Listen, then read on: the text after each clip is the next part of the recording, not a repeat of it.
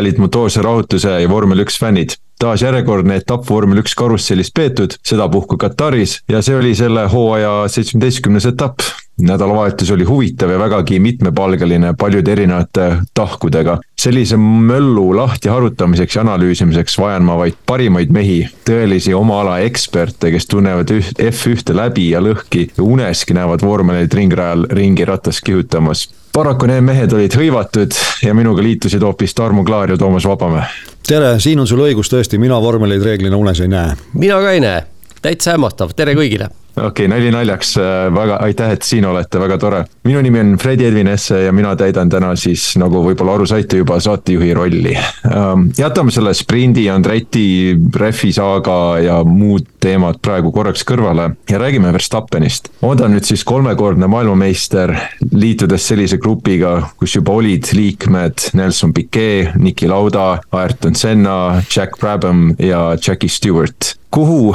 teie arvates paigutub Verstappen selles grupis või sellest rääkides me üldse paneme asjast mööda ja see on talle lihtsalt üks vahepeatus palju rohkemate tiitlite suunal? no mina arvan, et see viimane variant ja üleüldse taolised äh, võrdlused mulle tavaliselt ei meeldi, sellepärast ajastud on nii erinevad ja kuidas sa neid võrdled, ütleme niimoodi, et tänasel päeval see komplekt toimib kõige paremini, Red Bull ja, ja Verstappen, et noh, eriti taustsüsteemis äh, Perezega, kes ju sõidab samas võistkonnas ka kiirautoga ja mis tema tulemused on? jah, mina arvan ka, et on vahepeatus ja küsimus on see, et kus see lõppjaam on kas äh, teisel pool Lewis Hamiltoni ja Michael Schumacherit äh, või jääb ta siiapoole pidama või jõuab samasse jaama, aga, aga noh, see, et kui Tarmo ütleb, et äh, võrrelda ei saa erinevaid ajastuid, mõnes mõttes ei saa, aga teisest küljest jälle saab, sest see seaduspära, et parimad sõitjad üldiselt on parimates autodes, see on alati kehtinud ja ilmselt kehtib ka edaspidi. sellega ma olen nõus ma olen ka pigem sellega nõus, et kol-, kolmesesse gruppi tema ei jää. et see on üsnagi selge, arvestades veel, kuidas vormel üks on, on arenenud aastate jooksul, me ei ole kuuekümnendates, me ei ole seitsmekümnendates, see tehnoloogiline, see kõikumine ei ole nii ekstreemne, nagu vanasti oli, et, et äh, Jackie Stewart paistab selles väga silma, Jim Clark paistis väga silma just sellega, et see äh,, neil oli selline püsivus kogu aeg no okei okay,, ütleme Fangio ka, aga tänapäeval on niimoodi, lihtsalt see tehnoloogilise arengu tõttu ongi niimoodi, kui me vaatame viimased ju kakskümmend pluss aastat, et, et siis ongi selline, tekibki selline rodulise või selline seeria. Schumacher siis oli, kahe tuhandete lõpus oli väike vahe, aga seal oli ka ikkagi Ferrari äh, ja McLaren, selles mõttes oli selle nagu järjepidevus. ja siis edasi oli Red Bull ja, ja Mercedes, nüüd re, jälle uuesti Red Bull, et selline, see varieeruvus on kindlasti kadunud ja, ja selle kadumine tähendab Verstappenile päris head šanssi veel siit võtta mitu tiitlit järjest. jah, siin on nüüd kaks niisugust mõnes mõttes vastandlikku tendentsi tendentsi. üks asi, mina väidan, sai alguse just nimelt aastast kaks tuhat neliteist selle hübriidjõuallikate tulemisega. siis oli selgelt näha, kuidas töökindlus järsku tõusis. mäletate veel neid äh, hädakarjeid, et oh, mis küll esimesest etapist saab, et võib-olla juhtub, et keegi ei jõua finišisse. aga mis tegelikult sai? nägime sellist töökindlust, mida ei ole mitte kunagi varem olnud, vaatamata sellele, et need jõuallikad ja tegelikult ka kogu auto on keerulisemad kui kunagi varem. ja see omakorda mängibki nüüd kätte šansid just nimelt Verstappenile, noh praegusel juhul Verstappeni kõigepealt oli Mercedes seal pumba juures, aga nüüd siis teist aastat järjest on selgelt Verstappen ja Red Bull kõige paremad. kui sa teed hea auto, siis tänapäeval võib juba arvestada, et töökindlus peaaegu vaikimisi tuleb sinna juurde. ei ole niisugust asja, noh, ma ei tea, siin Clarki ja Stewarti, noh, Clark eriti, eks ole. mitu tiitlit oleks Clark võinud võita, kui tal ei oleks juhtunud arvukalt, väga arvukalt katkestamisi tehnilistel põhjustel. neli no., viis, ma ei tea noh, lähme lähemasse minevikku, minu suur lemmik Kimi Räikkönen, kui palju tal oleks võinud olla tiitleid, kui ei oleks olnud tehnilisi probleeme? ja küll neid sõitjaid veel on tegelikult, kelle puhul võime sama väita ja tegelikult see, Fredi, sa nimetasid see Red Bulli esimene valitsemisaeg, kui Sebastian Vettel tuli neli aastat järjest maailmameistriks. ja, ja tegelikult enne ka see Schumacheri Ferrari ajastu. Need olid ju jah, need võidud, tiitlivõidud tulid küll järjest, Schumacheril viis, Versta-, mitte Verstappenil, vaid Vettelil neli. aga need ei olnud ju sugugi niisugused, kõik aastad ei olnud sellised domineerimised, nagu praegu Verstappenil põhimõtteliselt kaks hooaega järjest on olnud sellist dominatsiooni tõesti ei olnud Vettelil neljast kaks olid ju sellised, kus ta domineeris üksteist ja, ja kolmteist, kümme ja kaksteist olid tal Alonsoga viimase etapini välja. Jah, Schumacheril ka, ega tal oli selline kolm hooaega, oli kaks tuhat neli, kaks tuhat kaks ja kaks tuhat üks olid sellised, kus ta no kindlalt võitis, teised olid kaks tuhat ju läks viimase või Jaapanini läks vähemalt ja. välja, ma ei mäleta, kas see too aeg viimane etapp oli, aga, aga jah, kaks tuhat kolm oli väga huvitav aga, ja, aga ja, selleks, ja okay, Benettoniga ka ju tegelikult, Benettoniga üheksakümmend neli esimene tiitel oli ju viimasel etapil ja, ja lahenes kokkupõrkega, aga üheksakümmend viis Schumacher valitses ju pikalt ja laialt jah, see kokkupõrge nii-öelda, aga kes võib-olla üheksakümnendaid mäletab, see ei olnud ainukene kokkupõrge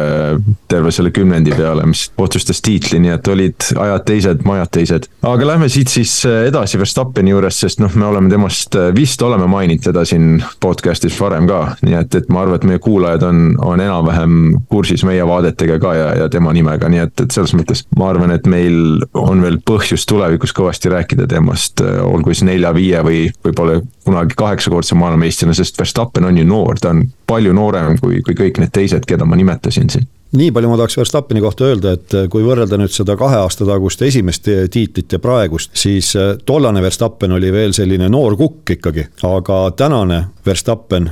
väljalase kaks tuhat kakskümmend kolm, on selline küps võidusõitja, kes ikkagi kalkuleerib oma tegemisi juba rajal, et tal sellist tulipäisust on märksa vähem, kui seda üldse enam on. aga ütleme nii, et tal on elu ka oluliselt lihtsamaks tänavu läinud, sest reaalselt ju sõidus teda väga harva keegi ohustab. just ma, ma, me oleme rääkinud sellest teemast juba ja ma endiselt olen seda meelt, et ta saabki olla selline muhe ja, ja ta, tagasihoidlik, noh, selles mõttes tagasihoidlik oma raadiosides ja käitumise poolest, kui ta ongi teistest kakskümmend, kolmkümmend sekundit eespool sõidu lõppedes, nii et, et see ei panegi talle pingeid peale väga. kui tal oleks keegi kõrval, kes teda reaalselt pressiks, siis ma arvan, et see vaatepilt oleks teine, sest Verstappen, noh, see on isalt saadud tal see tulipäis ma arvan, et selles me võime kõik, kõik nõustuda ja, ja ta, ta ikkagi on, on tal on see, tal ei oleks motivatsiooni ja, ja niimoodi võita ja kõik oma elu sellesse panna, kui ta, tal ei oleks ka sellist äh, tugevat sisemist tahet kõike seda saavutada ja see kõik sisemine tahe ja see, see soov, see teeb ka selle nii-öelda, paneb selle kaalu ja, ja paneb teda mõnikord käituma nii, nagu ta võib-olla ei, ei peaks käituma, et, et see ei ole nagu, see ei ole, sellised inimesed ei ole normaalsed. ja ma ütlen seda positiivselt, nad ei ole normaalsed inimesed, et noh, see, see, seda see tõestabki. ta on kolmekordne maailmameister ja üks ajastu parimaid äh, sõitjaid, nii et jah aga olgu, olgu siis Verstappeniga, lähme siit siis äh, edasi sõidu juurde ja ma võtan sõidu ette, sest äh, võib-olla vahele pikime neid sprindi asju, sest muidu meil tuleb liiga, liiga, liiga pikk sõit äh, või sõit, saade, kui me hakkame rääkima siin kvalifikatsioonist, sprindi kvalifikatsioonist, sprindist ja, ja sõidust endast ka, sest tegelikult on veel paar teemat, mida meil oleks vaja lahata. Ja kui me sõidu juurde tuleme siis me ei saa kuidagi ümber ega mööda sellest faktist, et kuidagi tihedalt tehti boksipeatusi, oli, oli veidi kuidagi imelik, et kuidagi kaheksateist ringi järel hakati neid tegema järsku. Kes võib-olla aru ei saanud kohe alguses või ei olnud uudiseid lugenud, siis nimelt äh, avastas Pirelli fakti, kus nende rehv hakkas lagunema, lagunes seestpoolt, nagu ma aru sain, siis see koht, äh, kus karkass liitub selle pealmise kummikihiga, mis siis tegelikult asfaldi vastu läheb ja see hakkas lahti murenema. Ja ütleme rahvakeeli siis, et protektor hakkas lahti tulema. ja turvis on selle ja asja nimi moodsas eesti keeles. moodsas eesti keeles, just. selleni jõuti ju puhtalt äh, läbi mikroskoopilise analüüsi sõna otseses mõttes ma ei tea, miks, aga turvis kõlab mulle väga naljakas sõnana. ja see, see kõlab midagi, mida keskaegsed rüütlid võisid kanda, eks ole. just midagi sellist jah olgu, aga ühesõnaga siis need, need kaks komponenti, mida me ei suuda korrata enam, need hakkasid omavahel eemalduma üksteisest ja, ja leiti, et peamine põhjus oli siis kaheteistkümnenda, kolmeteistkümnenda kurvi vahel olev see äh, väljasõiduala see äh, äärekivi. äärekivi. Ja, ja siis tehti palju muudatusi, toodi seda valget joont, kas oli kaheksakümmend sentimeetrit sissepoole, peaaegu terve meetri võrra toodi sissepoole, mis on, ütleme, pool auto laiusest põhimõtteliselt. Ja, ja äh, see äärekivi ennast ei muudetud minu teada, et see jäeti samaks, aga see, neid oli muudetud eelmisest korrast saadik ja, ja kogu rada oli ka uue asfaltkihi all ja selle tulemusena me nägime ka, kuidas reedel oli ikka autod väga uisutasid ja väga palju eksimusi tuli ja äh, oli selline väga omapärane kvalifikatsioonisessioon. Lõpplahendus siis oligi see, et Pirelli ütles, et ühe rehvi komplektiga võib sõita kaheksateist ringi ja kui seda rehvi komplekti on enne näiteks kvalifikatsioonis kolm ringi kasutatud, siis see tähendas seda, et sõidus võisid sõita ainult viisteist ringi sellega, et, et kogu kestvus võis olla kaheksateist ringi. Ja see kehtis nii siis pehmete, keskmiste kui ka kõvade rehvide peale. Ja kuidas te siis seda olukorda lõpuks näete, et ei tulnud sellest Indy äh, kaks tuhat viis aasta, eks ju, kus oli Michelinil suured probleemid, oli F1 ilmselt kõige suurem farss läbi ajaloo kas see lahendus oli siis, oli parim või oli ka siin mingi muud alternatiivi? kõigepealt ma tahan täpsustada, et äh, need äh, rehvid siis, mis olid kvalifikatsioonis kasutusel, seal ei läinud kolm ringi maha, mina olin ka eksiteel otseülekande ajal, kui mul on seal ajavõtu sees äh, seni läbitud ringide arv. nimelt täpsustas siis FIA, et kui rehvi komplekt oli kasutusel kvalifikatsioonis, noh, seesama sinu näide, et kolm ringi, siis äh, boksist väljasõidu ja boksi sissesõidu ring arvati maha. See, see rehv oli siis teinud võidusõidu mõistes ühe ringi et see oli selline arvestus, nii et kui seal mõnel võistlejal oli parasjagu ees, kui ta boksi tuli, näite, et tal on ka kaks, kahekümnes ring käimas, siis äh, tege-, tegelikult tuli kaks ringi maha arvestada ja oligi kõik hästi, oligi see viimane kaheksateistkümnes ring siis selle FIA arvestuse järgi käsil, kui oli tegemist selle kasutatud komplektiga, aga selle sinu küsimuse peale, et see lahendus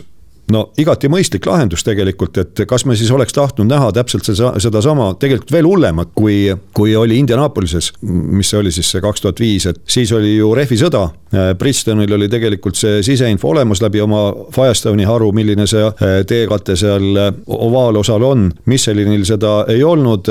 kadunud Max Mosley, tollane FIA president, ma ei tea, mis põhjusel ta hirmsasti viha kandis Michelini vastu, tema põhimõtteliselt läks seda teed, et mingisuguseid järeleandmisi ei tee, aga nüüd siis on äh, leit-, noh, mina leian küll, et leiti mõistlik lahendus, et kui ikkagi see oht oli olemas, et rehvid hakkavad purunema, siis äh, ohutuse kaalutlustel, kui selline otsus tehti, kas see ringide arv nüüd oli see või oleks ta võinud olla rohkem, seda keegi ei tea, aga lõppkokkuvõttes ju me saime päris äh, korraliku võidusõidu selle näol, et äh, väga mitmetes kohtades sõiti, sõideti mööda, mitte üksi stardifiniši sirge lõpus. ja võistlus kujunes, nagu nägime, esikolmiku pealt ja tegelikult mitte ainult esikolmiku pealt, ju me seda ka hiljem veel siin räägime, füüsiliselt ülimalt kurnavaks. vaatamata sellele, et noh, pealtnäha ju, no heakene küll, oli soe, kolmkümmend üks kraadi oli õhutemperatuur tõesti, aga see, et sõideti neli lühikest vahetust, põhimõtteliselt kõik heas seisus rehvidega, see tähendab, et mingisugust erilist rehvide manageerimist, haldamist ei olnud, tagasi hoidmist väga ei olnud, põrutati ikka enam-vähem kogu aeg niimoodi, nagu põrutada sai, siis see võttis sõitjat füüsiliselt läbi, ehk oli selline veel üks täiendav proovikivi, aga see nüüd et kehtestati see maksimaalne ringide arv, no esialgu oli juttu sellest, et kehtestatakse maksimaalne ringide arv, mis tohib läbida, pluss kolm kohustuslikku boksipeatust ja alguses oli juttu siis, et kahekümnest ringist. lõpuks tõmmati see kaheksateistkümne ringi peale, mis siis automaatselt tähendas, et kuidagi ei saa vähema kui kolme peatusega hakkama. aga NASCARis on kindlasti selliseid asju palju kordi, ma ütleks isegi, et enam-vähem kord hooaja jooksul juhtub seal mingisugune selline rehvidraama, et kehtestatakse kohustuslikud vahetuste pikkused pikkused või, või kohustuslikud poksipeatused või midagi sellist. ja ma ei ole kindel, kas Indikaaris ka mitte ovaalradadel ei ole selliseid asju esinenud, nii et selles mõttes päikese all ei midagi uut aga kas seda võib äkki näha täitsa sellise hea võimalusena, et, et oligi nagu te mainisite juba, et see sprindisõit, see oligi, oli see nagu see põhisõit, kujunes ka tegelikult selliseks sprindisõiduks, sest või kvalifikatsioonisõiduks, sest sõitjad ikka andsid täiega, neil ei olnudki äh, muud võimalust, sest äh, see, see kaheksateist ringi rehvi isegi nende keskmistega punaste ehk pehmetega küll kukkus see, see rehvi sooritus ära, aga nende keskmistega ei kukkunud, nii et see tähendas, et, et terve selle nii-öelda selle ühe vahetuse sõitja pidigi täiega andma. ja kas see oli äkki selline huvitav äh, sisepilk sellesse, milline vormel üks võiks olla, kui me kehtestakski äh, võib-olla sellise mi, mingit moodi äh, boksi peatuste sellise korra või, või midagi sellist no ühest küljest see on kaalumist väärt, aga see, see on sul õigus, et äh, kuna need rehvid olid heas seisus, tegelikult äh, see Pirelli analüüs, mis näitas, ütles ju ka, et ega rehvid iseenesest olid heas seisus, lihtsalt ühel hetkel oleks nii-öelda protektor pealt ära lennanud, muud ei midagi. et äh, rehvi karkass oli ju korralik, see pidas vastu, aga sellest hoolimata oleks rehv hakanud tühjenema. ja nüüd, kuna nad olid, neile sõitjatele oli antud võimalus kogu aeg nii-öelda täiega lasta, kogu, kogu see kaheksateist ringi, siis kõik seda ka tegid ja sellest tulenevalt hoolimata sellest, et Katari rajal oli ainult üks DRS-i tsoon sõideti ikka päris mitmes kohas mööda, kus DRS-iga ei olnud mitte mingit pistmist ja see oli veelkordne tõestus minu jaoks, et DRS on saatanast. kui tingimused on sellised, et sul DRS-i kasutada ei ole, siis leitakse need möödasõidukohad. Tarmo, me peame tegema ühe sellise kõlli omale saate vahele, mida, mida mängime, kus on, öeldakse, et DRS on saatanast. saame, saame, saate, saame saateaega kokku hoida, aga ma tahtsin öelda ka seda, jaa, see, see mõte, et äkki midagi sellist proovida reeglitega, tasub kaalumist, aga mina ütlen, et selle kaalumise lõpptulemus saab olla ainult üks, niimoodi ei tohi teha. sellepärast, et praegune olukord tuli kõikidele tiimidele ja sõitjatele ootamatult. kes oli rohkem valmis, kes vähem valmis, aga põhimõtteliselt tuli see ootamatult. kui neil on aega selleks valmistuda, siis saab pilt hoopis teistsugune olema. Ja see on, seda me oleme näinud ju muudes, noh, võtame näiteks, kui sõideti Bahreinis sellel nii-öelda välimisel rajal, sellel lühikesel ringil. see oli ka ju, tuli suhteliselt ootamatult sõitjatele, keegi ei saanud eriti selleks valmistuda. on veel selliseid teisigi olukordi olnud ja, ja need sõidud tavaliselt tulevadki alati hästi huvitavad. kui saavad vormel üks tiimid valmistuda, siis kõik need vahendid, mis neil kasutuses on, paraku teevad selle sõidu igavaks üks asi veel, mis äh, oli hoopis teistmoodi, kui, kui mida me oleme harjunud nägema see hooaeg vähemalt, oli see, et äh, nii-öelda see undercut ei töötanud, ehk varem boksi minemine ei töötanud ka just sel samal põhjusel, nagu sai mainitud, et äh, rehvil oli veel sooritusvõime olemas, nii et kui sa läksid kuueteistkümnendal ringil boksi ja, ja sinu ees olev või taga, vabandust, taga olev sõitja läks kaks ringi hiljem siis tema tegelikult sai mööda, me nägime minu arust kõige parem näide sellest oli Lando Norrise ja Fernando Alonsoga, kus Norris äh, lihtsalt boksi peatustega hiljem boksi minnes äh, tegi mingi üle kahe sekundi, kaks pool sekundit midagi tegi tasa, isegi rohkem, arvestades, et see vahe, kus Alonso tuli tema taga, oli juba päris suur. see oli väga omapärane dünaamika, mida me ei ole ka näinud ju. jah, ja tegelikult, kui ma nüüd õigesti mõtlen, kas Verstappen mitte Piastriga ka vahet ei suurendanud kolmelt sekundilt seitsmele hilisema boksi peatuse arvelt? Just samamoodi, aga lähmegi siit siis selle sõidu juurde ja, ja nopime siia erinevaid asju sisse nädalavahetust läbivalt. Verstappen lõpetas esimesena, tema sõidu kohta nagu väga palju rääkida ei ole, see esimene, võib-olla see start oligi kõige kahtlasem moment tema kogu sõidus, aga isegi siis, arvestades tema nagu neid rehvi säästmise võimeid ja auto kiirust üldiselt, ega Red Bulli võidus või õigemini Verstappeni võidus suurt kahtlust meil ei olnud ju. jah, see esimese kurvi intsident, ma täna vaatasin neid äh, aegluubis äh, kordusi ja ega seal tegelikult väga palju puudu ei olnud, et kui Russell ja Hamilton omavahel kokku põrkasid, et Russell oleks võinud otsa lennata suunata ka Verstappenile, kui asjad oleksid halvemini kujunenud. no seal oli kõige rohkem meeter oli vahe, mitte, mitte rohkem. aga põhimõtteliselt jah, pärast seda oli, Piastri ju tõusis teiseks, aga Piastri oli kohe jäi ju maha juba, kui turvaauto tuli alguses rajale, turvaauto läks minema, Piastriga kohe oli vahe sekund ja, ja selleks ajaks, kui DRS vabaks anti, noh siis ei olnud üldse mingisugust küsimustki enam no räägime selle esimese kurvi intsidendi ära, siis äh, just Mercedese äh, vaatevinklist või nende, nende tulemus see oli. George Russell startis, tegi ka päris hea stardi, sai Verstappenile külje peale lähedale. Äh, Verstappen oli siis sisekurvis, äh, Russell tema taga on vasakul pool ja Hamilton, keda me kuulsime, äh, kuidas see täpne sõnastus tal oli, kui ta sõitis stardirivisse, et, et ta on nagu istuv part seal. no istuv sihtmärk jah otsetõlkes jah, istub part, kes või, või valige endale sobiv lind, sisesta siia, aga see näitas tema meelestatust ja, ja ilmselt tähendas ka seda, et Hamiltonil oli enda, enda arvates kõige nagu, ta pidi seda olukorda ära kasutama, sest ta startis esiteks äh, selle nii-öelda puhtamalt raja poolelt ja, ja tal oli pehme rehv, tema ümber, ümber kõigil olid äh, keskmise kõvadusega rehvid, nii et, et ta vist nägi seda olukorda eelkõige võimalusena või seda starti, et, et nüüd see on see koht, kus ma pean oma sõidu nagu ära tegema. kusjuures ta ei olnud mitte lihtsalt üksi see kõige pehmem rehvisegu, vaid tal oli ka värske rehvikomplekt selle pehme rehviseguga ehk kõik eelised olid ja noh, selge see, ega, ega siin ei olegi mingit kahtlust, miks ta nende peale läks. kolmandalt kohalt stardid, puhtalt raja poolelt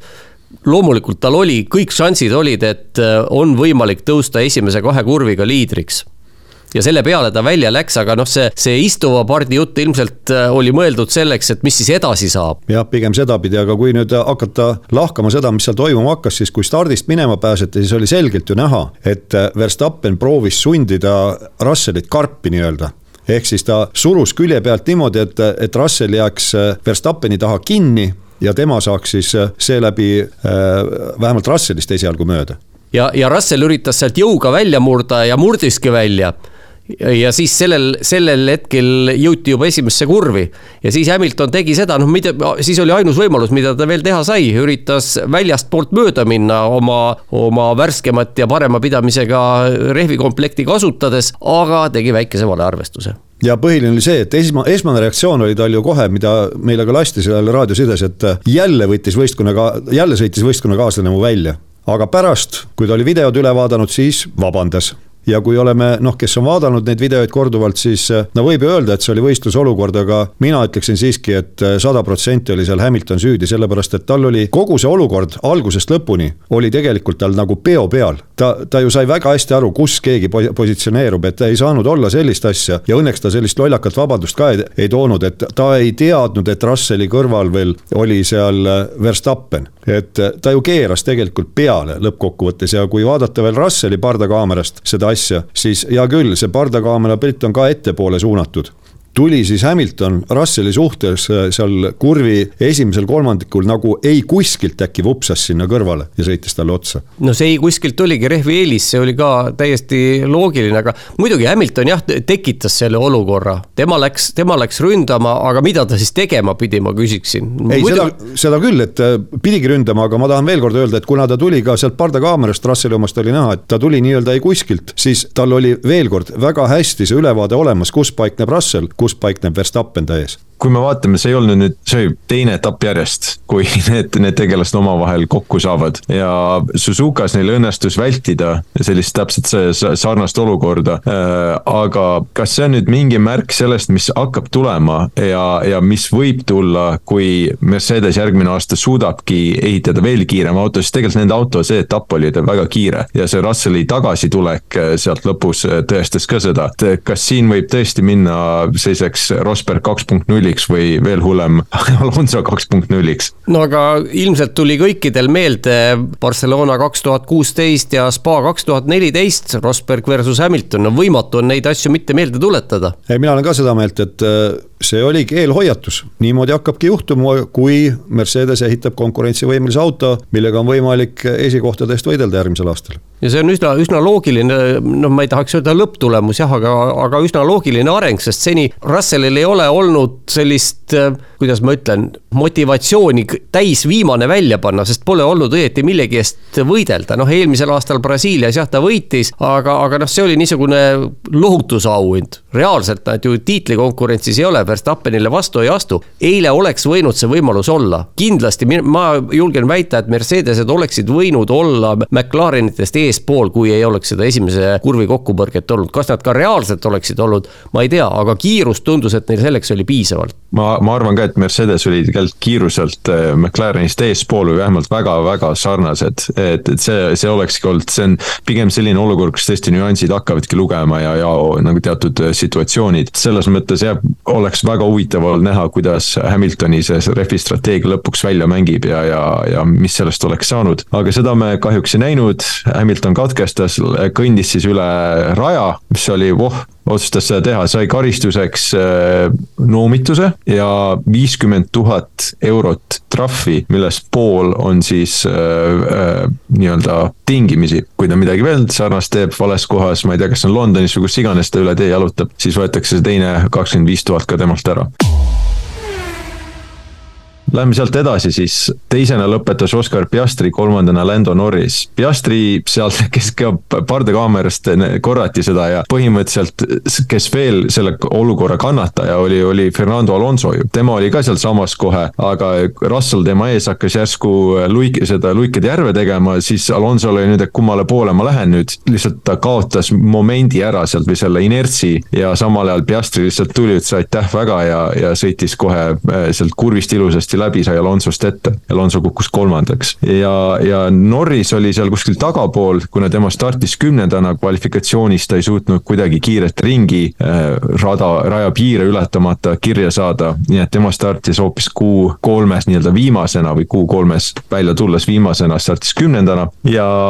tõusis ka sealt, vist oli kuues või midagi sellist selle alguse esimese pooles või midagi sellist oli. madistas seal Leclerc'iga tükk aega ja, ja, ja nii edasi. kuidas me seda McLareni sõitu kokku võtame seal, sest see, kuigi see Norrise, nagu ma mainisin juba, sai Alonsost mööda tänu äh, paremale rehvi strateegiale, siis minu jaoks oli jälle väga huvitav, kaks korda see aasta on juhtunud, kus McLaren on äh, Norrisele andnud eelise boksi taktikaga. olukorras, kus Piastri on ees ja nad on toonud Norrise varem sisse ja alati selle boksi peatustega on saanud Norris mööda, üks oli äh, Ungari teist ma nüüd ausalt ei mäleta, aga teine etapp oli ka, kus, kus täpselt samamoodi anti eelis, äh, anti eelis Norrisele. aga nüüd ma mõtlesin, et oh, et, et see on ju selge, McLarenil oli ka selge, Norris sai ju mööda Alonsost just selle tõttu, et oli kauem väljas. et see on neile selge, et, et selle, kelle sa hiljem sisse tood, see on, tema saab selle eelise ja oh näe ime, et Norris toodigi Piastrist ring hiljem sisse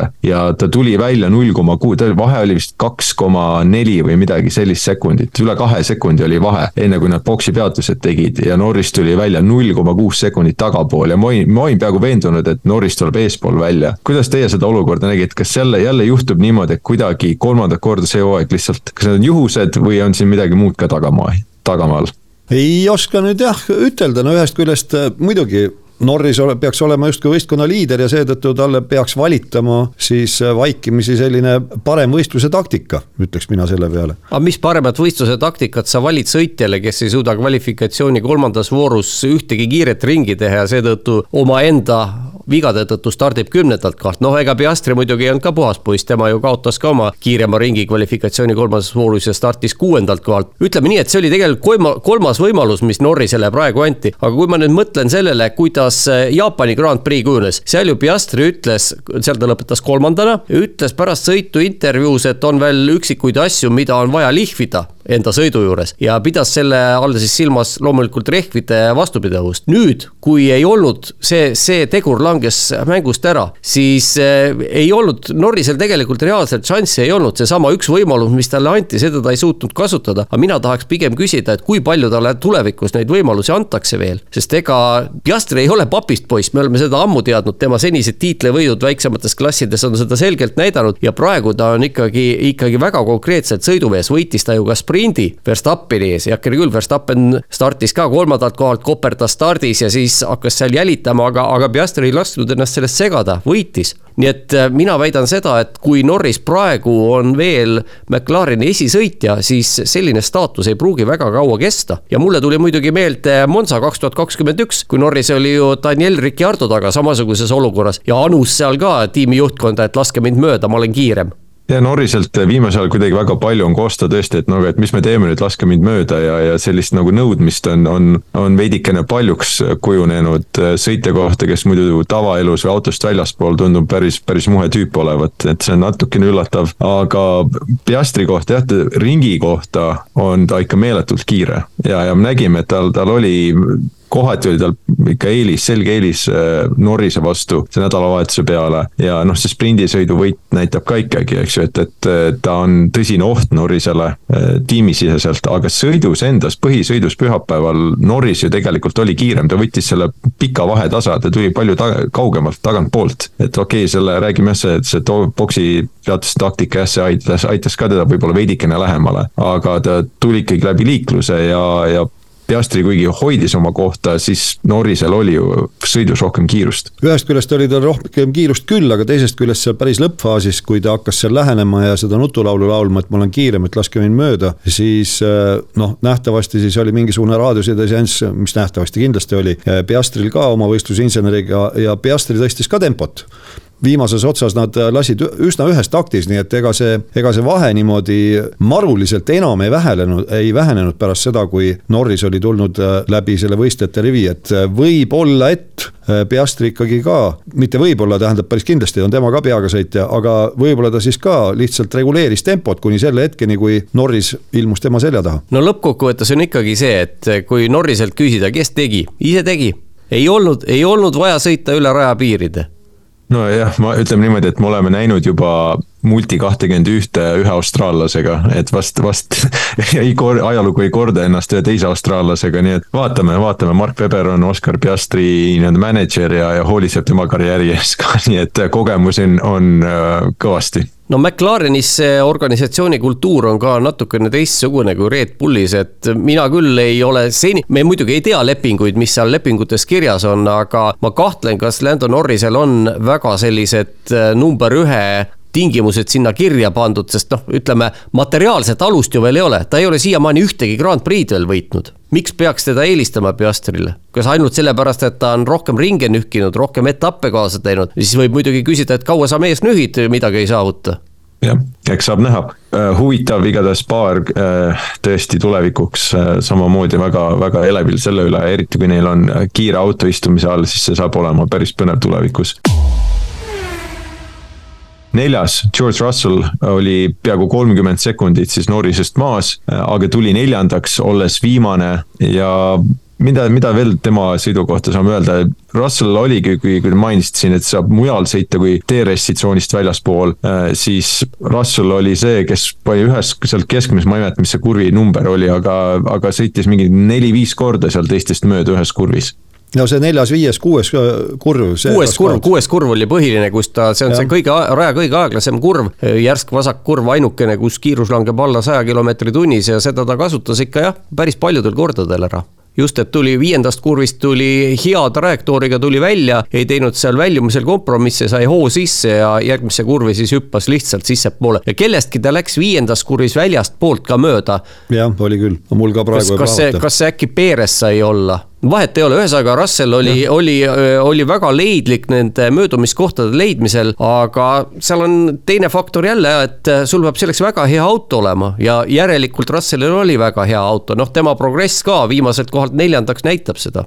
see oli jah huvitav kombinatsioon, sest me oleme harjunud nägema viimastel aastatel seda olukorda, et sõidetakse mööda just siis, kui ühel kahest sõitjast või jumal teab, mitmes kambas on, äh, on rehvid ära kulunud. ja siis tekib see nii-öelda äh, ilma DRS-ita mööda, möödasõidu võimalus, aga nagu me oleme rääkinud, siis ei olnud sellist väga situatsiooni, sest kõigil rehvid püsisid elus terve selle vahetuse käigu, nii et äh, kõike seda ka arvestades ja seda, et see rada tõesti nagu on vormel üks autodele päris hea ja sobiv, sest me nägime möödasõite igal pool ma natukene vaidleks vastu, et eks seal rehvide erinevus jah, ei olnud nii drastiline nagu tavaliselt, aga, aga kindlasti oli, sest need mõned sõitjad olid ju seal nii-öelda sünkroonist väljas boksipeatuste taktikaga, kes tegid seal väga pikemaid vahetusi, kes peatusid alguses, nii et päris ei saa öelda, et kogu aeg olid sõitjatel ühesuguses seisundis rehvid. aga, aga jah, see, et äh, see rada tundub vormel ühele väga hästi sobivat, me oleme kaks võidusõitu seal näinud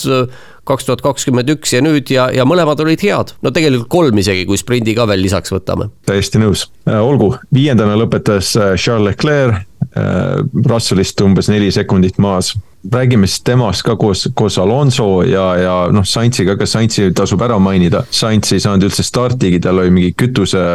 pealevoolu või pumba mingi probleem ja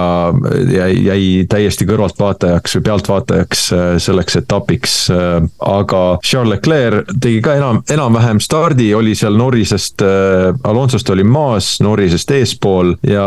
Ferrari'l ju mingit väga erilist kiirust see nädalavahetus ei olnud. oli täiesti selline selle esime-, esigrupi tagaosas, ütleme esigrupis, me ütleme nelja tiimi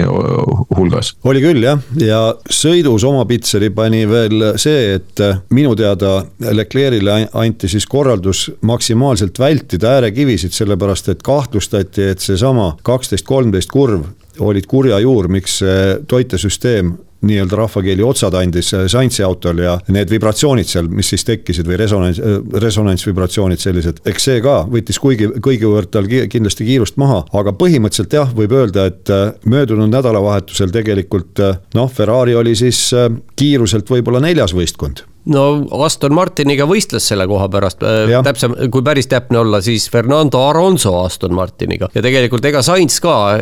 enne ju kvalifikatsioonides ja sprindis, ega ta millegagi eriti ei hiilanud, selgelt oli ikkagi hädas, mis põhjusel, raske on öelda, võib-olla tal see toitesüsteem juba ennegi jukerdas. Jah, Sainz ei saanud Q3-gi äh, reedel, nii et äh, ei, ei olnud neil seda kiirust kuidagi ja miks tegelikult ka, miks Leclerc üldse eespool lõpetas Alonsot, oli see, et äh, Lance Stroll rääkis sellest ja, ja küsiti tal, Stroll kukkus jälle Q1-s välja reedeses kvalifikatsioonis ja, ja ta selgitas ka, et lihtsalt Alonso suudab selle ala ja ülejuhitava, see auto on kohati mõlemad täiesti, et ta on ala ja ülejuhitav ja Alonso suudab lihtsalt selle autoga piiri peal paremini toime tulla, suudab sellest parema kiiruse välja võtta kui tema, noh, see on ilmselge, see ei ole nagu noh, see ei ole väga suur uudis just, aga seda oli ka näha sõidus ju, sest Alonso kaks korda eksis, käis, käis ajalt väljas, ühe korra päris korralikult ja, ja siis ta kukkuski, lasi Russell'i mööda, lasi Leclerc'i mööda. hiljem liitus rajale üsnagi kiiresti ja agressiivselt, kuigi sellest pärast karistada ei saanud kohtunike poolt. nii et, et ja pärast seda Alonso, see oli näha, ta võttis hoo maha kohe, ta ei, ta ei sõitnud enam kvalifikatsiooniringi selle autoga, sest see oli see isegi Alonso võimete jaoks selle autoga kvalifikatsiooniringe sõita püsivalt oli natukene liiga palju ja see oli liiga äkiline, nii et, et ma tahaks teile ka tundub, et mäletate esimest etappi Bahreinis ja Alonso ütles, et see auto on nii mõnus sõita, üks paremaid autosid, millega üldse, no ta on sõitnud kunagi ja väga, väga hea balansis kõik. ja et Aston on suutnud nüüd sellest kiirest, hästi tasakaalus autost teha aeglase ja väga närvilise auto oma kõigi, kõigi nende miljonitega, mis nad hooaeg läbivalt on kulutanud selle arendamiseks. see on huvitav jah, et äh, muuhulgas siis äh, Stroll, kui ta käest küsiti siin nädalavahetusel, et äh, noh, millest see tuleb, et tulemuste vahe tema ja Alonso vahel on nii suur, siis ta ütles, et äh, ja, ja kuidas siis nii, et äh, hooaja algul oli nagu kõik hästi ja ka Alonsol ja nüüd enam ei ole, siis väide, Strolli poolne väide oli see, et autot on arendatud selles suunas, mis on muutnud seda autot, äh, inglise keeles on see pointy või, või et ta on rohkem nina peal, ehk siis ta on ülejuhitav rohkem. Ja teada ju on läbi aegade, et Alonsole meeldib just nimelt alajuhitav auto seal sellise autoga ta on kodus ja ilmselt nüüd seda autot müstilisel kombel ongi arendatud selles suunas, mis on muuhulgas sobimatu ka Alonsole. Ja sealt on ka siis ka, ka see tulemuste langus muuhulgal, muuhulgas Alonsol, aga noh, veel enam siis Strollil, aga mind paneb hämmastama see, et kuidas siis kes see nüüd oli, see Adrian Newey, üks parematest kätest, kes seal praegu. Dan Fallows. Dan Fallows jah, kes juhatab juga Aston Martinis, et äh, nii kogenud mehena, kuidas ta ei suuda siis oma meeskonda selles suunas tööle panna, et äh, toota selline auto või arendada autot selles suunas, mis on sobilik äh, tema esisõitjale ehk Alonsole no aga mis, mis äh, karakteristikud Red Bulli autol on? ma kusjuures ja, ja ma tahtsingi, ma nägin, et sul näpp püsti, sellepärast jäin vait, tahtsingi öelda, et teisest küljest see on äh, Fallowsi DNA-s nii-öelda või, või see pärimus sealt Red Bullist, et Red Bulli autod ongi just sellised ja selline auto just Verstappenile sobibki. ja selgub, et selgub, et kõik sõitjad ei ole Verstappenid, üllatav küll nojah, Alonso, kui, kui on üks sõitja, kes suudab nagu autoga adapteeruda, siis see peaks Alonso olema, aga, aga see võib olla täiesti see fakt, et, et, et selle generatsiooni autoga kiiresti sõita, sa peadki sõitma nii nagu Verstappen. Ja et, et see ongi sobivus, täpselt sama oli ju Vetteliga, ma, ma ei ütle, et, et Verstappen Vetteliga, Verstappen on selgelt parem sõitja kui Vettel äh,, isegi tema tipus, aga Vettel ka, miks ta oli ju nii edukas, oligi see, et see puhutud difuusor. Ja see oli ju selle ajastu ja, ja Vettel suutis sellest palju rohkem välja võtta kui Weber sama, sama autoga. nii et see on jälle seesama tõsiasi, et äh, sõitja ja auto mitte ainult, et peavad kõige paremad olema, aga nad peavad olema ka unisoonis, nad peavad vastastikku sobima jah, nad peavad samal ajal nii-öelda eksisteerima ja, ja kõik need reeglistik ja kõik see, see on väga-väga palju, eks ju, läheb sellist ka juhuslikku, juhuslikkust läheb sinna sellesse eduvalemisse. aga okei okay,, Astonist rääkisime, Lance Strolli ei hakka ja mis me seda maas lama, et peksame. Äh, Esteban Ocon, seitsmes ja ütleme okei okay, sõit talle, laupäeval tegi väikse lolluse seal. no ma ütleks, et see oli ikka väga suur lollus. jah jah, okei okay,, räägime selle olukorra läbi siis, kus siis Hülkenberg, Perez ja Ocon eh, võitlesid omavahel, eelkõige olid siis eh, Hülkenberg ja Ocon võitlesid omavahel ja Perez seal taga nillis ja kui nad eh, sellest esimesest kurvist välja tulid, teise kurvi läks see vasakkurvi, siis lihtsalt Ocon tahtis Hülkenbergi paremale poole pressida, et endale kurvi avada rohkem, aga tal polnud õrna aimugi, et, et seal teisel pool raja servas oli juba Perez ja lihtsalt siis põhimõtteliselt surus Hülkenbergi pere sisse ja siis nad kõik kolm olid ka sealt kurvist väljas. nii et selline olukord oli ja, aga karistust ei antud kellelegi selles olukorras karistust ei antud jah kellelegi, sellepärast et kuigi Ocon jah, selle, selle põhjustas oma vahetu manöövriga, siis vabandus, mille, mida žürii arvestas, oli see, et jah, ta üritas Hülkenbergi küll paremale poole suruda, mis oli igati legitiimne manööver, sest noh, seal ruumi oli, Hülkenbergil põhimõtteliselt oleks ruumi olnud aga Oconil ei olnud õrna aimugi, et Hülkenbergi auto taga on omakorda peidus veel Perez, kes oli nende esimese kurvi pusklemise seal ära kasutanud, seal nimelt Hülkenberg üritas Oconist mööda minna, aga läks tal omakorda endal kurvlejaks ja Perez muidugi, kes oli kohe nende järel, otsustas, et nüüd on minu moment, kasutan selle ära, lähen mõlemast korraga mööda. Aga noh, läks nagu läks. no mina ütlen, et see oli Oconil selline hädavala, et tal ei olnud õrna aimugi. stardifiniši sirgel nad olid kolmekesi koos. Ocon oli see kotlet seal võileiva vahel, tema selja taga oli Perez, ta teadis väga hästi, et Perez on seal kohe olemas. noh, muidugi ta ei pruukinud konkreetselt seda teada, et äh, Perez nüüd on ka Hülkenbergi kõrval, aga seda, et noh, nagu Pereze olemasolu oli ta, talle täiesti äh, teadmata, no see loomulikult tõele ei vasta. aga jah, ta lõikas seal päris räigelt tegelikult ette Hülkenbergile ja mina olin isegi imestunud, et, et ta karistust ei saanud. kusjuures pühapäevases sõidus oli ju täpselt déjà vu olukord. Perez oli ka täpselt samas kohas, kolmekesi kõrvuti, kõige parem parempoolsem, kõige vasakpoolsem oli ka alpiin, aga seekord Gasly oma, ma ei mäleta, kes seal keskel oli, aga siis igal juhul. Stroll oli vist. igal juhul. jah, oli Stroll jah. ja siis igal juhul kõik, kõik olid ilmselt äh, laupäevased, kes olid vahetult kogenud, kes olid äh, televiisorist näinud ja kõik käitusid mõistlikult, ei, ei läinud seal omavahel susima okei okay,, no jõuame selle kambani ka siis, aga okei okay,, olgu siis Ocon seal sai oma seitsmenda koha. kaheksas on keegi Valteri Potas ega, ega sõidus väga ei näidatud teda, minu arust show'd näidati, tiimikaaslast näidati isegi rohkem, aga alfad said kaheksanda, üheksanda koha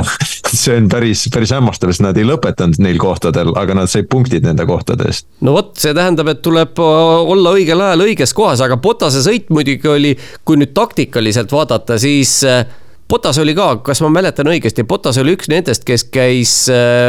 kas ta startis pehmetel rehvidel või? Minu meelest küll, jah. ja käis äh, boksis, boksis siis, kui turvaauto oli rajal. ehk, ehk tegelikult, tegelikult mängiti see, see väga kavalalt välja, ma arvan, et Hamiltonil oli ka tegelikult selline plaan, et teha see esimene boksi peatus võimalikult vara ja, ja kui võimalik, siis ka sellises olukorras, kui turvaauto on rajal, noh paraku ta küll sattus ise selleks äh, äh, ohvriks, selle olukorra ohvriks, mis turvaauto välja tõi. aga see oli tegelikult väga hästi läbimõeldud ja käis seal Stroll ja oli ka, Stroll oli samasuguse taktikaga ka jah, nemad kahekesi vist olidki. nii et mängiti välja see täpselt, et saaks siis kolm äh, viimast vahetust saaks võimalikult pikalt sõita ja selle rehvide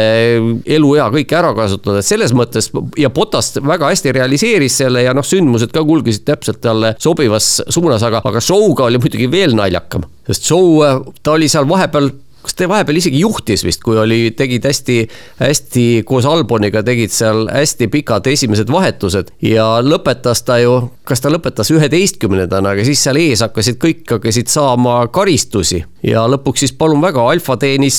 kuus punkti ühe etapiga ehk sisuliselt viiskümmend protsenti oma senistele punktidele pauguga juurde. jah, aga ütleme, aluse pani omamoodi ju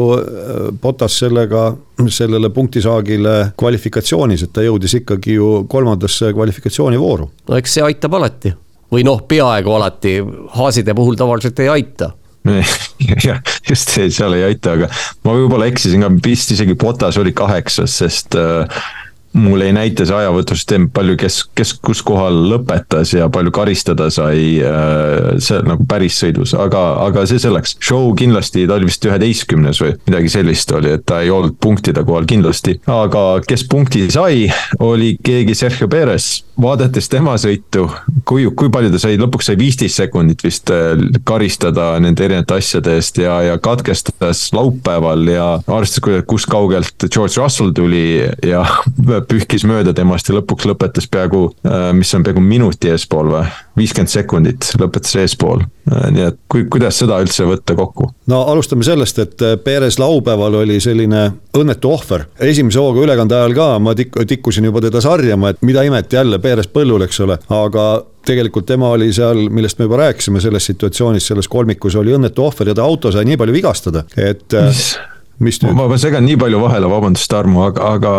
mis asja oli temal sõita kõrvuti mingi Haasi ja, ja mingi Alpiiniga, kui ta, kas ta tegi neile ringiga ära too hetk? Ma ju, ma just tahtsin öelda seda, et, et, et tegelikult retooriline küsimus, ma tahtsin sama asja küsida, et miks ta üldse selles olukorras oli, miks ta läks sinna torkima sellel hetkel, heakene küll, tundus, et on, on võimalus, aga, aga seda võimalust oleks pidanud paremini hindama. noh no, no, temal oli, ütleme nii, et kohe ma lasen sul edasi rääkida, temal oli võimalus seda kokkupõrget vältida, tema ei põhjustanud seda, aga tal oli võimalus vältida. no ma pidasingi seda silmas, et, et selles mõttes ta oligi õnnetu ohver, et tema seda ei põhjustanud, aga Oconil oli ka võimalus vältida seda avariid, aga jätame selle, et. Äh, ma tahtsin, minu point oli kogu see, kogu see point oli see, et, et oleks saanud seda vältida, kui ta oleks normaalse kvalifikatsiooni teinud ja mitte startinud kuskilt jälle pära tead küll, kus kohas, nii et. ja, ja ei no see on see täiesti. see ei, sa paned ennast sinna olukorda keskvälja ja sul ongi tõenäosus, et sa saad pihta, see ongi lihtsalt suurem tõenäosus, kui, kui sa sõidad keskväljas. aga ma ei kavatsenud praegu mingisugust äh, perese kaitsekõnet pidada, vaid tahtsingi jõuda selleni, et äh, esiteks ta startis boksi teelt, kuna auto oli nii palju vigastatud ja rikuti seal igasuguseid reegleid, mis toovad kaasa karistusi. oli ka õhus see moment, et võib-olla ta saab isegi pluss kümme sekundit lisaks sellele, et ta, äh, et ta boksi teelt peab startima, aga noh, pluss kümmet sekundit ei saanud ja nüüd oli siis see takkajärgi, mis ta siis ütles, mis ta seal kolm korda vist ületas rajapiire niimoodi, et ta sai pluss viis sekundit. tema põhjendus oli minu meelest ikka jaburast jaburam, et ta isteasend on liiga madal ja seda juba mitmendat etappi järjest ja seetõttu ta on varemgi äh, rajapiire ületanud, et ta ei näe, kus kohas need rajapiirid on. oot-oot-oot, mees, kui sul juba mitmendat etappi järjest on probleem, et sa istud liigu madalal, äkki oleks saanud varem siis seda probleemi kuidagi lahendama hakata. üks asi, teine asi noh, mina ei ole kunagi tippvormelipiloot olnud, vormelipiloot pole kunagi olnud, aga nii palju ma tean küll, ma olen vormelis istunud, et ega sa sealt väga lähedale ei näegi suurt midagi, esirattad jäävad nii ehk naa sul vaatevälja ette, kui, kui hakata hindama nüüd seda, kus, kus kohas täpselt see äh, valge, valge joon jookseb, et noh, need põhjendused olid küll sellised, ütleme, õhust võetud tal. no mõtleme nüüd, distants oli viiskümmend seitse ringi, eks ole, Perez sai kolm korda karistada, see tähendab, et iga korra jaoks pidi ta neli korda ületama rajapiirjooni, see tähendab, et kokku ta ületas kaksteist korda kaheteistkümnel ringil, üldse ei püsinud ju rajal kas minu arusaam oli, et see ei nulli, see, see olukord ja, ei, ei nulli ennast? ei nulli, no jah. Ja no ja, siis, siis, siis, siis on, siis on natukene lihtsam, aga ikkagi. no siis tuleb kuus korda ületamist, noh, kuu, kuuel ringil. ikkagi palju, kümnendik ringidest kolm on maksimaalne, mida sa võid lubada endale, neljas on juba. nagu noh, siis see on, neljas on liiga palju, kolm on okei. Okay.. ütleme reeglite järgi on niimoodi, et kolm on okei okay,, võid ületada. neljanda eest saad pluss viis. Aga noh, jah, see selleks ja, ja aga, aga mis oli üllatav, pärast etappi Horner tuli välja ja ütles, et nad, äh, nad hädasti vajavad, et Perez leiaks oma vormi jälle, sest nad ei taha teist kohta äh, kaotada sellest äh, sõitjate edetabelis, nii et et äh, kas see esimene kord, kui nüüd Horner ka nagu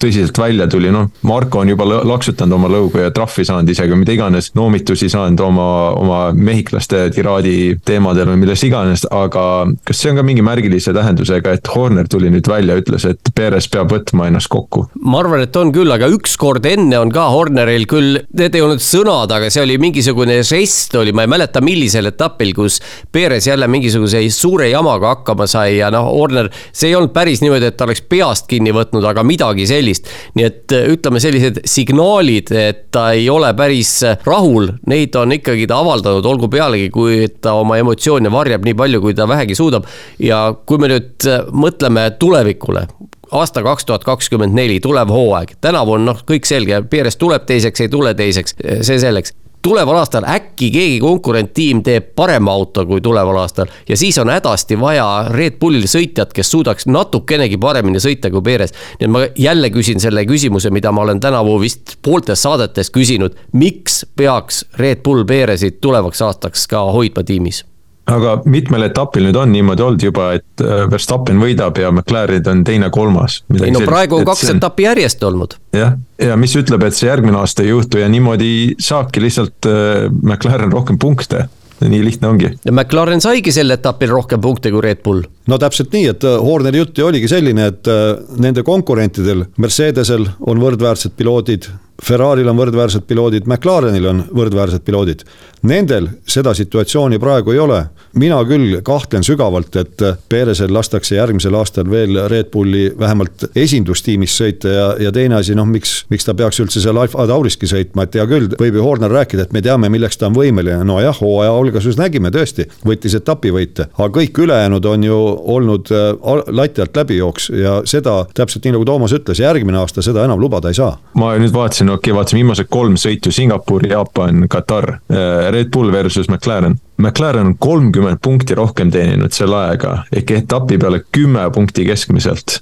et see on kui paned, paned selle hooaja peale, ega, ega Red Bull ise jälgib seda olukorda väga teraselt, nad, nad ei ole lollid seal ja kui nad näevad, et selline on trend, et siis see ei, see ei lõpe neile hästi. ja neil on tõesti vaja, et Perez hakkab midagi tegema, sest kui nad kaotavad kümme punkti etapi peale või konstruktorite arvestuses, siis kümme etappi, ütleme hooaja alguses, poole, vähem kui pool hooaega, see on juba sada punkti, katsu seda järele teha või tagasi teha. neli etappi võitu ja tegelikult Perezil seekord pööraselt vedas, vedas just sellega, et Hamilton juba esimeses kurvis pealtvaatajaks jäi. sest kui Hamilton oleks selle võistluse lõpuni sõitnud, siis väga tõ suure tõenäosusega Perez ei oleks ühtegi punkti saanud ja oleks Perezi teine koht punktitabelis vägagi suurde ohtu sattunud, palju seal vahe praegu on, kas see on kolmkümmend punkti hetkel täpselt või Fredi, kas sul on tabel ees? Oli vist kolmkümmend jah, ma võtan tabeli lahti siin, vaatame, töösõitjad. Perezil on kakssada kakskümmend neli, Hamilton sada üheksakümmend neli. ja täpselt kolmkümmend punkti ja ütleme, et oleks Hamilton näiteks kolmandana lõpetanud, kolmas koht annab viisteist punkti. see tähendab, et vahe oleks olnud ainult viisteist punkti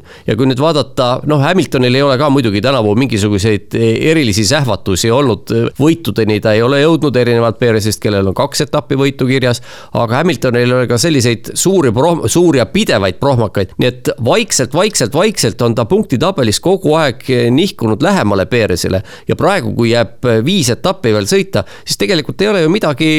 sellist ülemäära, üle mõistuse keerulist, iga etapp on vaja kuus punkti rohkem koguda või natukene rohkem tegelikult, sest punktide võrdsuse korral on Perezil eelis ja, ja lähebki Hamilton mööda, aga Perezi praeguse vormi puhul mina ütleks, et see on ainult aja küsimus, millal, millal seal kohtade vahetus toimub. praeguse selle trendi pealt ma ütleks jah, et Hamiltonil on suurem tõenäosus tõenäosust teine koht võtta, sest pea meeles ka äh, Austinis ja Brasiilias on veel sprindi nädalavahetused et, et seal on rohkem punkte saadaval ja et see võib ja, nüüd on kolm etappi järjest kolme nädala peale ja see võib, kolme nädalaga võib see pilt juba hoopis teistsugune välja näha. no ja lisaks veel sellele, et Perez tulemust koju ei too, ka need auto lõhkumised, eriti nüüd ütleme see, kus jah, nagu mina ütlen jätkuvalt, et ta oli süütu kannataja selles situatsioonis, aga loomulikult ta pani seal sprindisõidus kõige eel, kõige eelnevate tegemata jätmistega ennast sellesse olukorda. aga auto ülesehitamine on ju tohutu kulu ja seal tuli ikka väga palju teha, sisuliselt ehitati üles kolmas auto ja see tähendab, et võistkonnal jääb vähem raha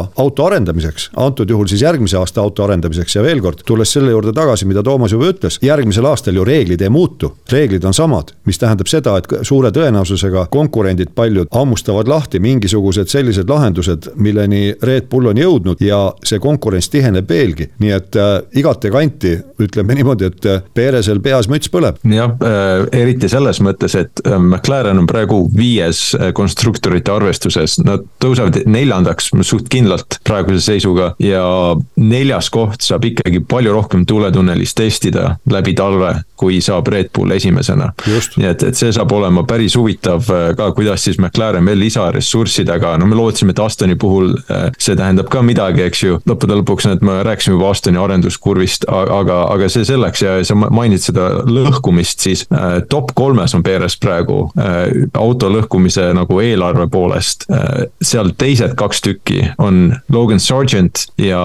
Lance Stroll et see on, see on see grupp eh, nagu tegelasi, kellega ta praegu seda poodiumi jagab. aga McLareni kohta veel ju nii palju, et McLaren hooaja esimese poole järel, kui jagati neid teise poolaasta tuuletunneli ressurssi või tuuletunneli aega. McLaren oli seal arvestuses mitmendal kohal, kas ta siis oli kuues või oli isegi veel seitsmes? võis isegi seitsmes olla, ma peast ei oska öelda. kuskil suhteliselt kaugel, nii et eh, tegelikult neil see eelis on noh, heakene küll, see eelis väheneb eh, tulevaks aastaks, aga mitte eriti palju nii et selles mõttes jah, Red Bullil, Red Bull peab olema väga valvel ja, ja Horner muidugi teab, ega ta ei ole ka papist poiss, ta on ikkagi ju üks kõige teenekamaid, kõige pikaajalisemaid ja kõige teenekamaid vormel üks tiimijuhte üleüldse. kohe saab kakskümmend aastat täis, mis ta oli, kaks tuhat neli lõpus võttis vist üle või? ja kohe on kaks tuhat kakskümmend neli, nii et jah peaaegu kakskümmend aastat tiimi juhtida, päris, päris viisakas. okei okay,, kas sõidust on veel mingeid teemasid, mida te tahaksite käsitleda? Ei, tahaksin käsitleda, tahaksin käsitleda veel seda teemat sõitjast, kes lõpetas viimasena mm,. Sergeant. ei, Sargent ei lõpetanud, Sargent katkestas Hamilton. kuuma, kuuma rabanduse tõttu, Hamilton ka katkestas, aga lõpetas viimasena Liam Lawson ja temale see mõneks ajaks ilmselt oli praegu viimane vormel üks Grand Prix ja võib tegelikult öelda kõige ebaedukam, noh see, et ta oli viimane, see on üks asi, aga sel nädalavahetusel ta jäi ju Tsunodale esimest korda selgelt alla. lisaks sprindisõidus kohe esimesel ringil see täiesti mitte millestki sündinud sundimatu viga, mille, mille tõttu ta liivaväljale maandus ja katkestama pidi ja turvaauto välja tuli. nii et see lõppvaatus tal just väga edukalt ei läinud, aga noh, kokkuvõttes ma arvan, et need esinemised inimesed ikkagi Ricardo asemel põhimõtteliselt tõstsid tema aktsiad mäekõrgusele ja selles mõttes Red Bullil kindlasti on õigus, kui nad talle kahe tuhande kahekümne viiendaks, see tähendab mitte tulevaks, vaid ületulevaks aastaks koha kindlustasid, aga noh, mine tea, võib-olla see koht realiseerub juba tuleval aastal no väga võimalik. eelkõige siis Williamsis. no kasvõi Williamsis, sest ega jah, kui me nüüd jõuame juba sinnapoole, siis äh, Sargenti äh, istekoht läheb sõna otseses mõttes, no läks ja sel etapil oli üsna tuline, aga niimoodi piltlikult öeldes ka läheb, läheb järjest tulisemaks tema jalgealune, et James Fowles kunagi jah, ütles, et on äh, real deal, Sargent aga noh, tema auaste, kui ta, kui ta alguses oli seersant nagu tema nimi, siis äh, praegu ta on kindlasti juba reamees, et ta madalamale, madalamale ei saa laskuda, et on ta degradeerinud ennast sealt vägagi paljutõotavast seisust ikkagi, mina ütleks täiesti lootusetuks juba seda põhisõitu muidugi ei saa arvesse võtta, aga kõik eelnõu tõesti on seda teinud ja, ja noh, täpsustuseks, et. Äh, no sprindis ta ju ka täpselt samamoodi tegi ja, sundimatu vea. ja just nimelt, aga see, et ta põhisõidus katkestas, noh, seda me väga algul ei teadnud. Äh, ta oli väga kurnatud, kurnatum kui keegi teine tuleb välja, et ta oli tegelikult äh, nädala algul noh, sisuliselt gripis, et ta, ta oli palavikus, et haigus oli ka kurnanud ja, ja see sõit, sõidust veel nii palju, et see selles suhtes oli väga iseloomulik, et kuigi päike oli läinud looja, siis õhutemperatuur oli üle kolmekümne kahekümne kraadi jätkuvalt ja me nägime seal sõidukäigus ka, kui näidati nii-öelda äh, armatuuri kaamerast äh, sõitjat, siis nii Russell kui, kui Norris seal vahepeal pilutasid seda kiivrivisiiri selleks, et õhku saada ja kas see oli vist Russell ütles, et äh, tuli küll kuum õhk, aga see oli parem kui mitte midagi. ja johtuvalt siis sellest, et need rehvid oma sooritusvõimet selle ette nähtud ringide arvu jooksul ei kaotanud, kogu aeg sõideti, nagu nad ise ütlesid, kvalifikatsiooniringe, siis see koormus, mis keha sai, oli meeletu ja see rada ongi ongi, nagu me nägime, selliste kiirete kurvidega rada. nii et äh, kuumus äh, pluss suur koormus ja lõpptulemus oligi see, et väga paljud mehed, noh, väga paljud, nii mõnigi sõitja talutati autost välja sõna otseses mõttes no esi, esikolmikust äh, Verstappen ja Piastri olid üsna otsa lõpnud ja Norris oli ikka silmanähtavalt reipam, aga noh, ta oli ka neist tagapool, nii et, nii et tasus ära see. aga jah,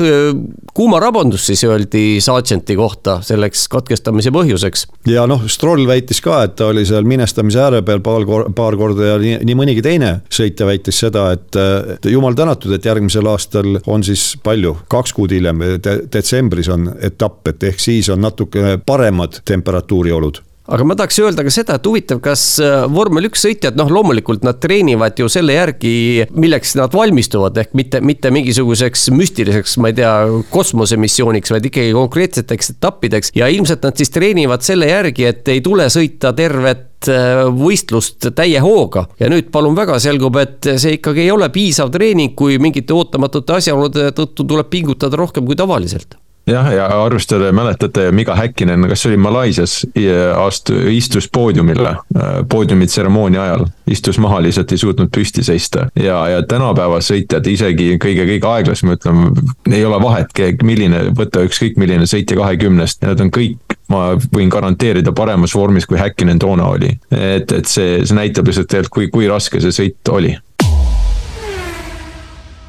aga lähme siit, räägime viimase teemana veel Andretist. vahepeal siin kahe etapi vahel tuli uudis, et äh, FIA kiitis heaks Andreti äh, taotluse liituda vormel üks sarjaga ja kui see võib tunduda, ütleme kõrvaltvaatajale, et oh, nüüd on, meil on üks uus võistkond olemas, siis see tähendab, see on nagu selline tehniline pool sellest. Äh, selleks, et Andreti nüüd saaks päriselt ka vormel ühes võidu sõita, kõik see tuleb neil leppida ka kommertsleping kokku ja see kommertsleping äh, sõlmitakse siis äh, võistkonna ja Formula One management'i ehk FOM-iga, mis kuulub siis Libertile, kelle kõik need kommertsõigused äh, kuuluvad ja, ja mistõttu ka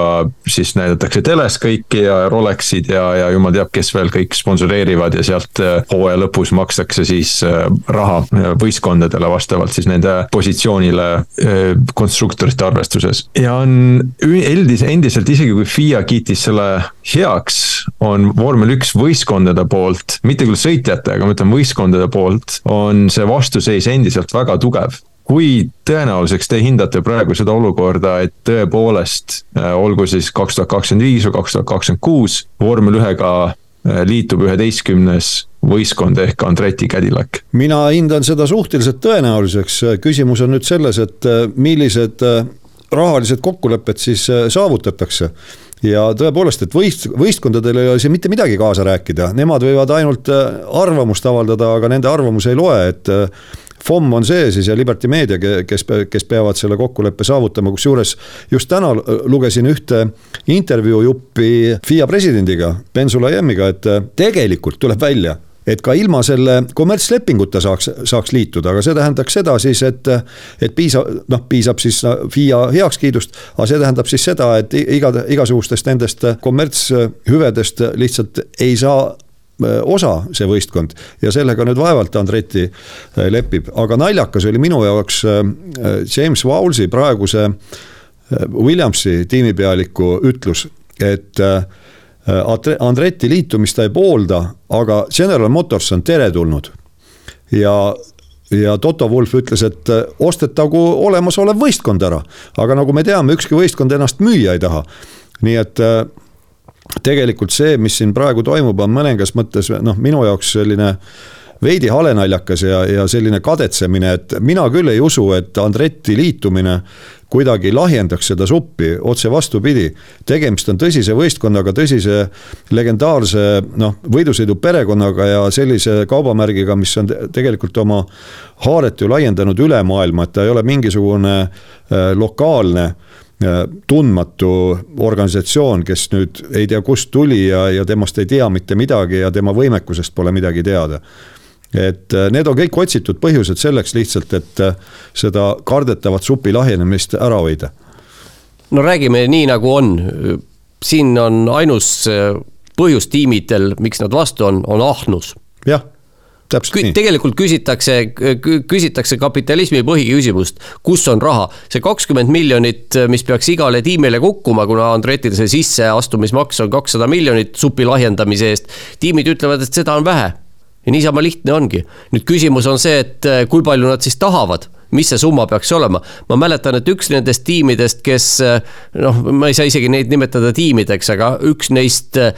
nähtustest, kes tahtis ka pääseda sinna ja ei pääsenud, olevat lubanud kuussada miljonit ehk kolm korda rohkem. no kas siis tiimid nüüd hakkavad Andretilt ka seda raha välja peksma? ja miks, no General Motors ka, eks ole, kes on seal nimi sponsorina on juures, miks nad peaksid seda raha tahtma maksta? See kakssada miljonit jah, sai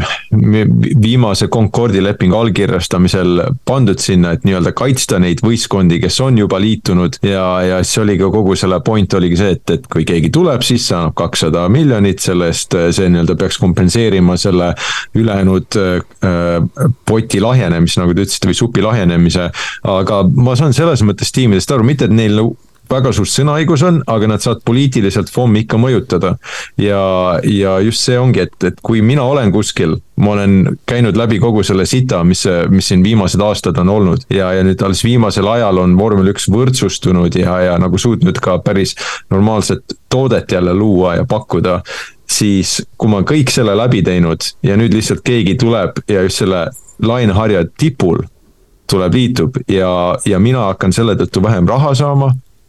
ja endiselt see toode töötab, see ei ole niimoodi, et meil oleks nüüd hädasti Andretit vaja, et ilma Andretita vormel üks oleks väga nagu kehvas seisus või et Cadillac on jumala eest sponsorina,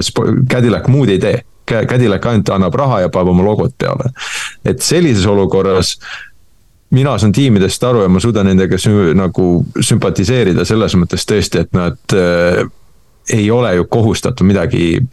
aitama, praegu ei ole vormel üks ei ole kuskil olukorras, kus ta oleks suremas või midagi ja, ja nagu meil on siin olnud varasematel aastatel. et oma huvid võistkondadel olnud nii tugev, et see on vormel ühe kahjuks olnud, et, et nad ei näe seda nagu metsa puude taga. aga praegu ei ole sellist väga situatsiooni, iga vormel üks läks väga hästi edasi ilma Andretita ja Cadillacita no see on üks argument, aga teine on äh, ikkagi see, et, et äh, miks, miks nad vastu on, üks on ahnus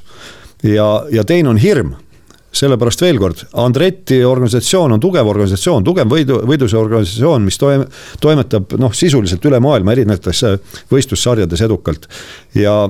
nüüd on veel lisaks see küsimus, et mõningas mõttes minu jaoks tekib paralleel Haasi võistkonnaga Haasi võistkond, ennem kui ta liitus, äh, asjaomased tegid omale reeglid selgeks. ja kohe hakkas see nutulaul pihta, et see ei ole ikka õige mäng, see ei ole ikka puhas mäng, mida Haas teeb, sellepärast et Haas ostis sisse kõik need auto komponendid, mis oli lubatud osta konkreetselt siis Ferrari'lt. Ja päris alguses nad tulid ikka äh, korraliku aplombiga sisse, et äh, noh, suht edukad olid ja ootamatult edukad. Ja selle peale hakati kohe virisema, aga kullakesed, te ise olite sel-, need reeglid kokku leppinud. Haas toimetas kehtivate reeglite järgi, praegu on sama seis. Andreti võistkond toimetab kehtiva Concordi lepingu alusel omal ajal leppisite niimoodi kokku ja kui ma õigesti mäletan, see leping kehtib järgmise aasta lõpuni. praegu on sellised reeglid, järgmine Concordi leping, järgmine periood, lepite uue, uued reeglid kokku. nii lihtne see ongi jah, see on niisugune jah, et äh, poole tee peal hobuste vahetamine, et ega see hea välja ei näe, no aga kui sa enne sinu küsimusele nüüd vastata, sa küsisid, et milline on tõenäosus, et Andreti pääseb, noh, mina ütleksin, et äh, nagu kõikidel ülejäänud sündmustelgi fifty-fifty. ma olen pigem negatiivselt seal meelestatud, ma ei, ma ei usu, miski ütleb mulle, et, et nad ei saa seda et, et FOM leiab mis iganes põhjuse või seab sellised ebamõistlikud eh, tingimused neile. ja sellega ma olen täiesti nõus, nad on seda verstaposti kogu aeg liigutanud, ütlesin, nüüd tee seda. okei okay,, tegid seda, nüüd tee seda. aga hoopis ei, nüüd me tahame, et sa teeksid seda. et see kakssada miljonit, mida Andreit ütles, kuule, meil on raha olemas, näed liitume nüüd hea meelega. ei, nad kakssada miljonit ei, hakati ja siis hakati järsku plämama mingitest väärtustest või, või nagu, et uus võistkond peab tooma mingit väärtust, value, sõna, sõna value kasutati ja. ja mida kuradit see tähendab üldse, et, et value, et mis, mis siis see on, tuleb äh, legitiimne võistkond, väga tuntud nimi, Ameerika, mida tahetakse vallutada siin kolm etappi juba Ameerikas. Cadillac maailma üks suurimaid autotootjaid, kõik, kõik on nagu, võiks olemas olla ja ei suudeta ikka, ikkagi nagu neil seda ust avada, et ikkagi see on, see on nagu liiga keeruline, et, et selles mõttes küll see, ma arvan, et see kogu see masin töötab praegu Andreti vastu ja noh, ta on töötanud ja Ben Sulayem, miks ta üldse selle avas, selle äh, sellest on räägitud nüüd veidikene, miks ta avas selle nagu pakkumise, et, et lisavõistkond või võistkondi tuua.